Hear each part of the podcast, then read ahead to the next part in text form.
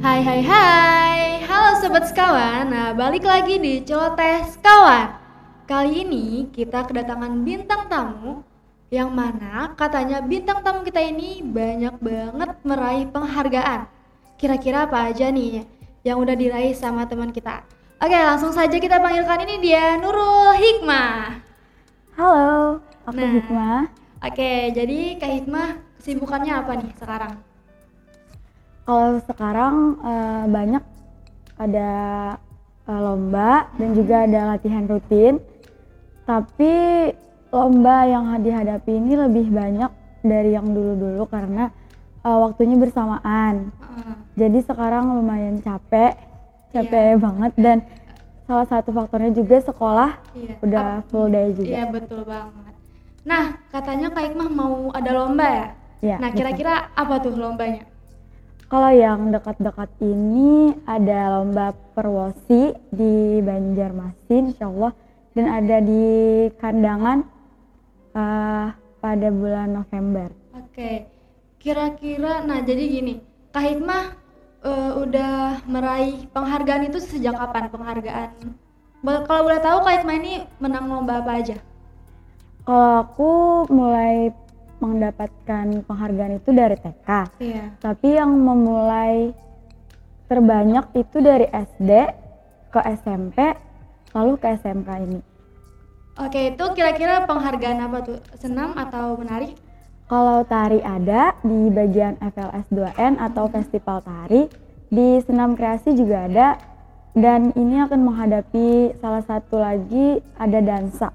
Oke, nah kalau boleh tahu nih, Kak Hikmah ini suka tari sejak kapan? Kalau tari dari TK eh, pada saat itu ini cerita dikit ya. Iya, cerita aja. Pada saat itu TK ada lomba tari gitu. Terus diseleksi Hmm. dan aku waktu TK tuh eh, apa kayak banyak gerak gitu nah. Iya, Jadi lincah. ya lincah. Ah. Jadi disuruh ikut lomba dan itu pada saat itu juara tiga kalau nggak salah. Tapi kalau TK tuh stuck di situ aja karena lomba eh, tingkat TK tuh apa ya dikit gitu. Jadi pada saat SD tuh breaknya lama sampai kelas 4. Kelas 4 baru ada lomba lagi di gedung Mahligai. Itu mungkin bisa disebut eh, apa perjalanan pertama aku untuk menari. Pada saat itu lomba, alhamdulillah menang juara satu dan di, di- langsung dikirim ke Jakarta mewakili Kalimantan Selatan. Pada saat itu eh, guru aku bilang eh, kamu punya potensi kayaknya gitu. Jadi pada saat kelas 5 dan 6 tuh terus menerus ikut lomba FLS 2N itu dan alhamdulillahnya tuh dapat terus gitu juaranya juara satu terus jadi dibawa terus ke mana-mana dan tapi pada saat SMP SMP tuh eh, sempat stuck karena ada covid Oh iya kan dua tahun ya? ya Eh, jadi stuck di situ jadi nggak ada ikut lomba terus pas tuh eh, masuk SMK hmm. jadi dimulai di SMK lagi eh, perjuangannya untuk apa namanya eh, menyalurkan prestasi dan alhamdulillah di sini ya bisa menyalurkan prestasi tersebut Nah tadi jar Kak Hikmah nih nari. Nah terus Ya. senam pulang lo. Nah Ya, sejak betul. kapan Kak Hikmah ketujuh senam? Sejak kapan bergabung di senam? Oh, kalau senam dari lulus SMP Tap- kan lulus SMP tuh niatnya memang mau masuk SMK Oh, jadi di SMK nih salah satunya tuh ada Bunda iya yang Bunda Siti Rafea. Yang apa? Membina di bagian senam lo. Jadi pas dulu kami SD eh, kami pernah bertemu lawan Sidin nih. Pa- pas kami lomba tuh Sidin ada bepada kalaunya SM kalaunya SMA masuk SMK insya Allah Bunda rekrut ya jadi itu salah satu eh, pesenam gitu Oke, berarti Kak Hikmah ini rancak di panggung hari Minggu. Ya, Nah, betul. soalnya kayak rada-rada pernah melihat Jan. Nah, kan kayak gimana nih masuk SMK jurusan Jurusan OTKP. OTKP. Nah, Ya. kenapa memilih OTKP? Eh, sebenarnya kalau untuk masuk SMK nih memang sudah dari SD.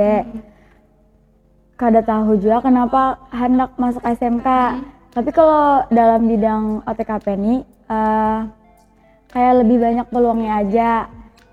Kan aku tuh kayak anak jadi sekretaris kayak nah lah. Jadi eh, dibaca-baca loh eh, jurusannya tuh apa yang terjuru ke situ. Kalinya OTKP, otomati otomatisasi tata kelola perkantoran.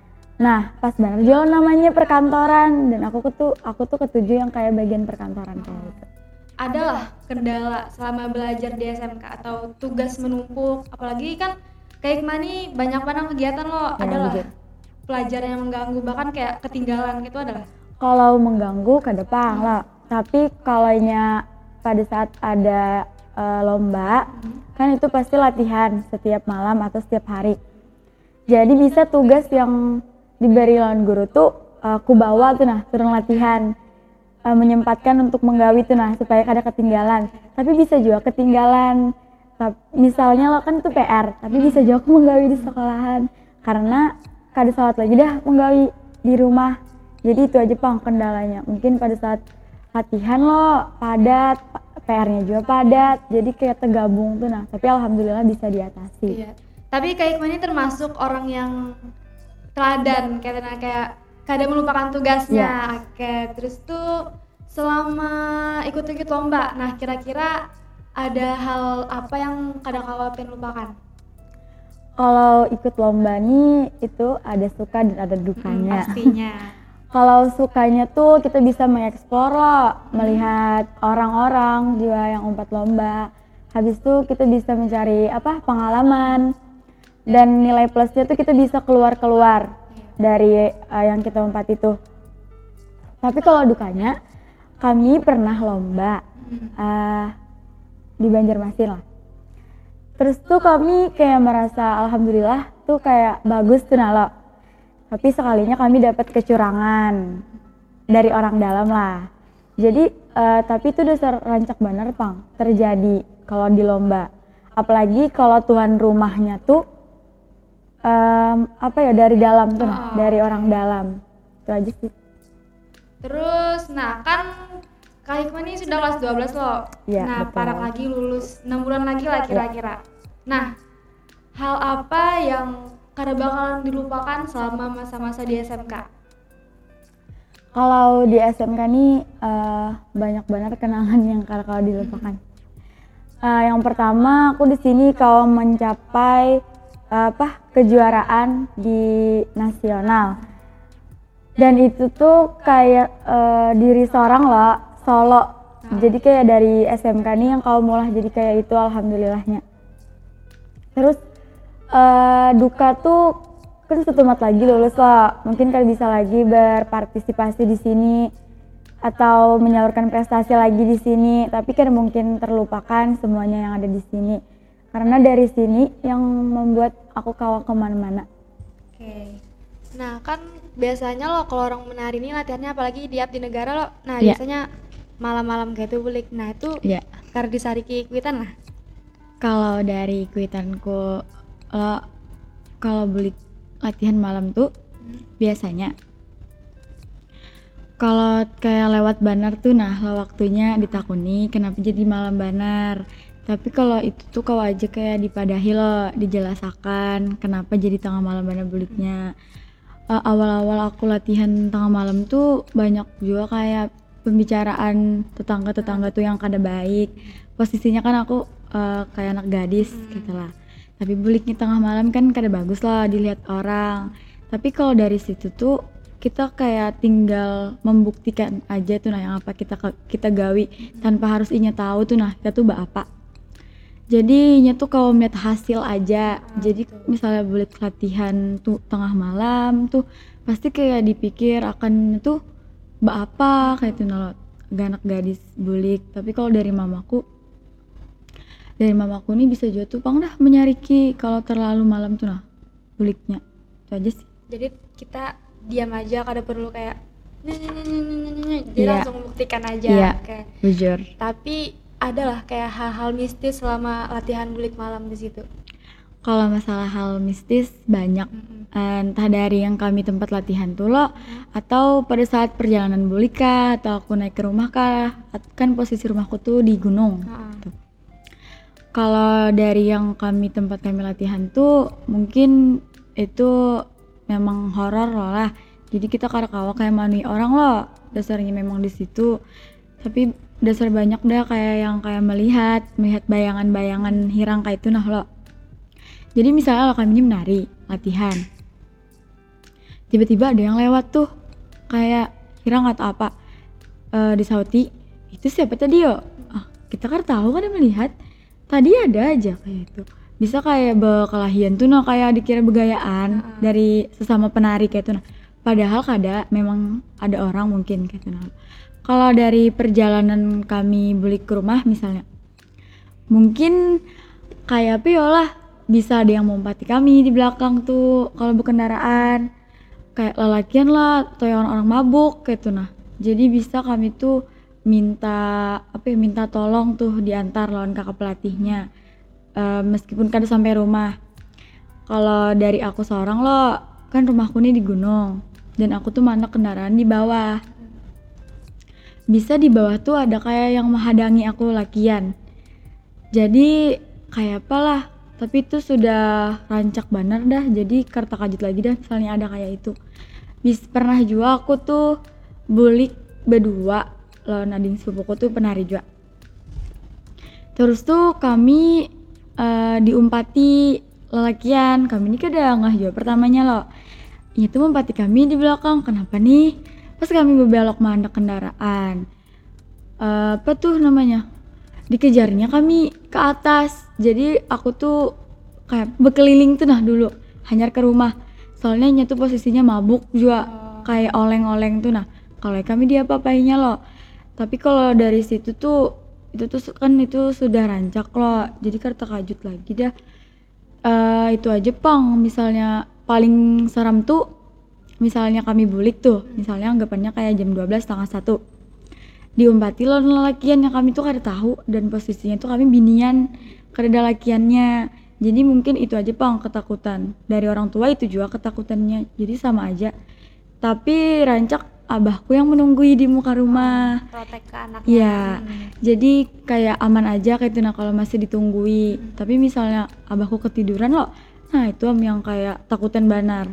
Bisa aku becicing naik ke tangga tuh. Aku pernah anak tegur naik ke Gegara atas tuh, iya gegara itu. Posisinya tuh aku pakai sawar kulot, lo kulot tuh kayak agak panjang. Mbak tuh aku lari, kayak aku angkat, jadi aku anak tegugur. Yang tadinya gugup jadi tertawa sorangan, kayak tupang dah. Kalau bulik malam latihannya.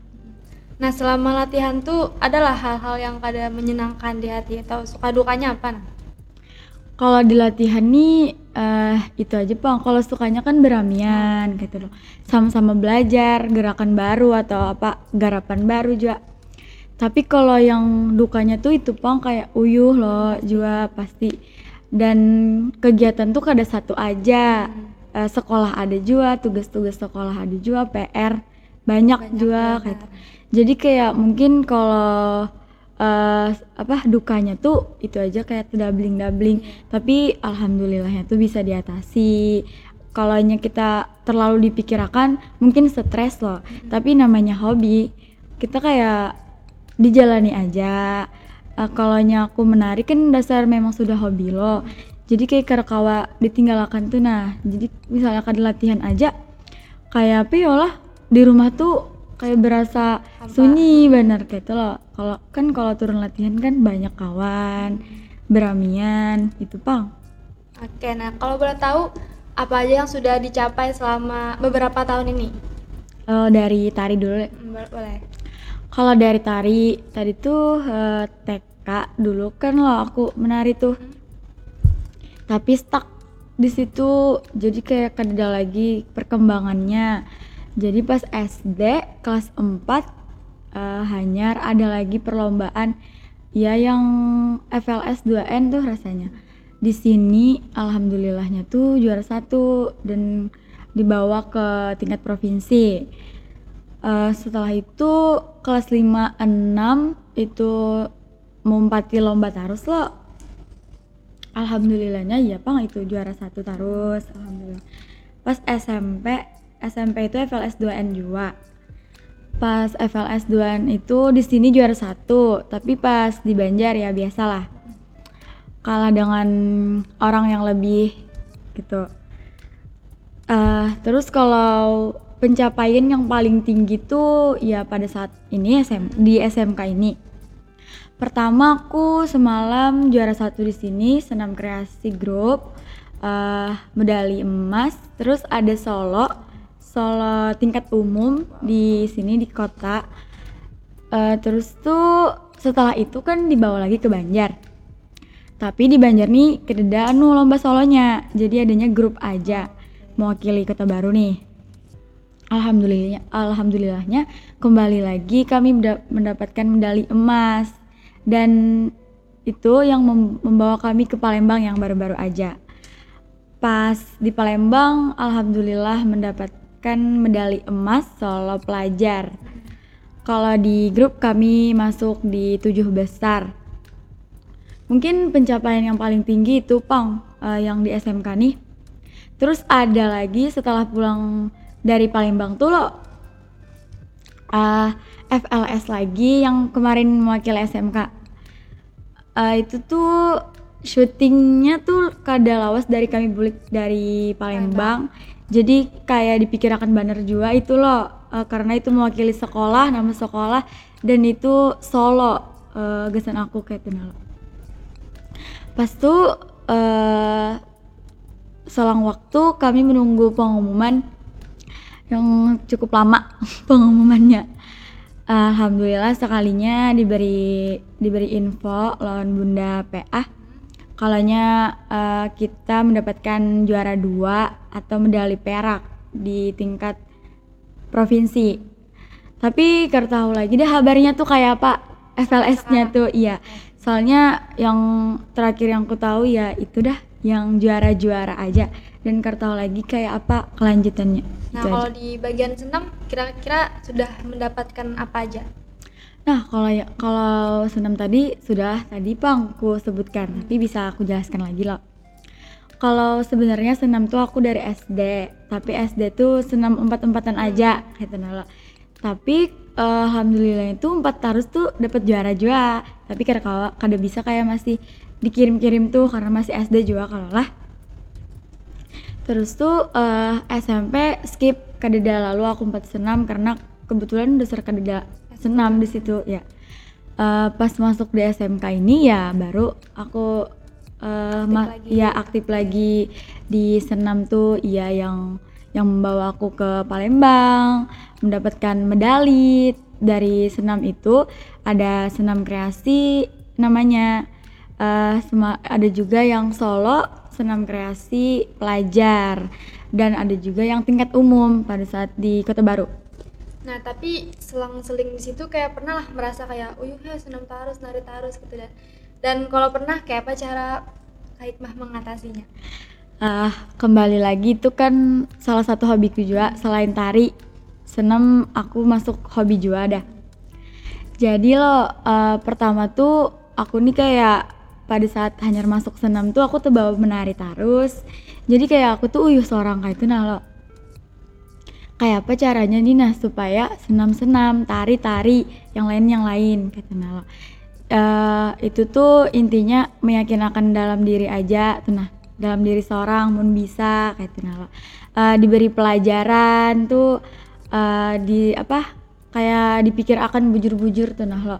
Misalnya hendak ini hendak itu tapi harus mampu juga kitanya merangkul semuanya. Misalnya aku hendak tari hendak ini hendak ini tapi kalau nyok kada mampu kada bisa juga tapi ya alhamdulillahnya aku mampu kayak itu nah lo. Kalau yang di senam nih alhamdulillah bersyukur benar pang bisa uh, apa kayak masuk ke dalam senam nih. Nah misalkan ada orang yang kayak termotivasi lawan Kak Hikmah cuman nyatu yeah. kadawani ber ber apa berkembang Oh. kayak kadewani maju kadewani mencoba Iya. kayak supan kita Iya. insecure Iya, kira-kira iya. apa yang bakalan Kak Hikmah lakukan Eh, kalau di- dari diri masing-masing tuh pasti ada bakat Mm-mm. lo eh, kayak apa aja kayak itu nah lo bakat tuh ada eh, apa namanya tipsnya kita tuh eh, digali eh, ditanyai di- apa pada diri seorang nih nah. Apa orang yang bisanya tuh nah? Jadi misalnya ada ini boleh dicoba. Tap- eh, siapa tahu kan eh, bakatnya di situ tapi kada dikembangkan. Jadi percuma kalau berbakat tapi kalau ada kada dikembangkan. Eh, lawan gasan orang yang insecure insecure nih. Eh, bukannya kayak masalah fisik lah insecure kayak masalah bakat orang atau apa Eh, apa kalian itu ada bakatnya masing-masing. Eh, apa ya dikembangkan. Jangan kayak apa ya ada juga kan orang misalnya bisa senam bisa menari tapi nya kada pede. Karena nya merasa eh, orang lebih bagus padanya itu tuh belum tentu kalau opini seperti itu. Kita nih bisa menggali apa namanya bakat kita kalau kita mau dan kalau kita yakin kayak bukannya apa kayak aku. Misalnya aku kan eh, di senam ini kayak belum lama kayak tari. Kalau tari aku memang dari TK eh intinya belajar belajar belajar berusaha dan yakin kalau kita tuh bisa juga. Kayak orang itu orang aja bisa masa kita kada bisa?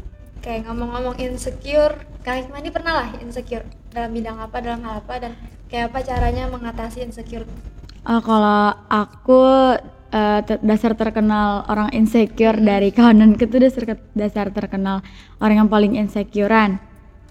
Aku orangnya kayak apa ya?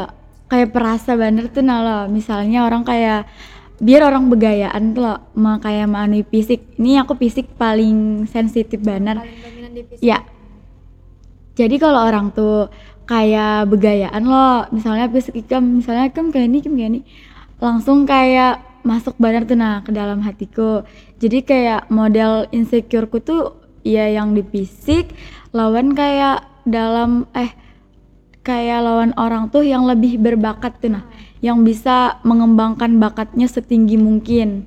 Mungkin tapi kalau insecureku yang paling dominan ya yang di fisik karena aku perasa banget. kayak apa cara Kak Hikmah me- menghilangkan rasa insecure itu Kalau dari insecure yang masalah fisik tuh kan aku kayak banyak kegiatan loh dan mungkin aku kada mau juga tuh nah kayak memikirkan pandiran orang. aku apa bergerak tuh nah bertumbuh sesuai diriku aja tuh nah tanpa pandiran orang lain. Kita boleh mendengarkan lah, tapi kayak kita tuh bisa juga kayak membuktikan tuh nah. Jadi itu aja pang uh, kartapiku udah ngari tuh nah.